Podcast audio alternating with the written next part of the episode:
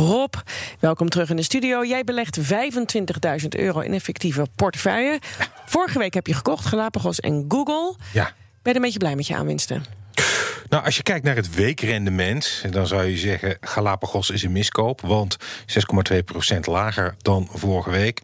Maar goed, ik zit erin voor de lange termijn. Dus ik heb daar wel vertrouwen in. En Google, of ik moet eigenlijk zeggen Alphabet, want zo heet de moedermaatschappij van Google, die staat 1,3% hoger dan vorige week. En op weekbasis is dat helemaal niet slecht. En als je nou bijvoorbeeld uh, Unilever neemt, uh, toen ik daar instapte, ging het vrij snel, uh, dook het in de min. Maar die staat nu ook op een mooie 1,3% hoger dan, nee, bijna 2% boven de aanschafkoers. Dus ja, ik geef het gewoon de tijd, hè, zoals je weet, lange ja. termijn ik maak me geen zorgen. Ik ben er vooralsnog heel tevreden over mijn huidige selectie aandelen. Mooi.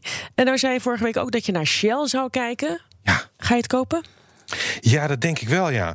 Uh, ik zei toen al, uh, de professionele beleggers... die Corné van Zijl van Actiam uh, maandelijks polst... die hebben Shell op één staan. En die hadden Galapagos op twee gezet. Mm -hmm. um, Afgelopen weekend kwam Binkbank uh, ook met zijn maandelijkse beleggersbarometer. En die peilt het sentiment onder hun klanten. Dat zijn overwegend particuliere beleggers. En wie staat er bij hen bovenaan het lijstje? Ook Shell.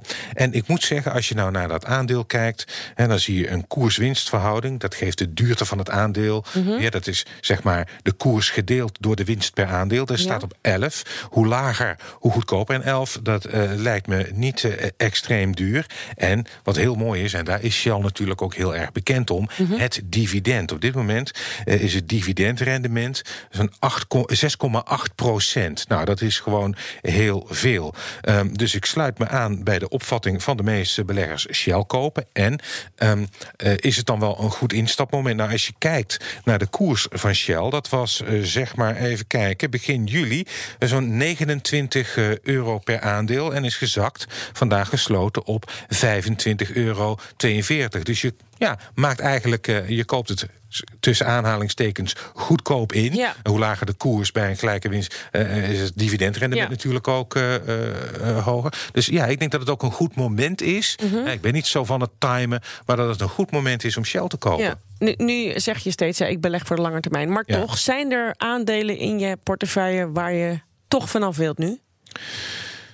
Nee, niet waar ik van af wil. Maar als ik wat meer zou handelen, hè, zeg maar die lange termijn ja, wat korter zou maken, dan zou ik wel winst. Dan, dan moet je ook af en toe winst nemen.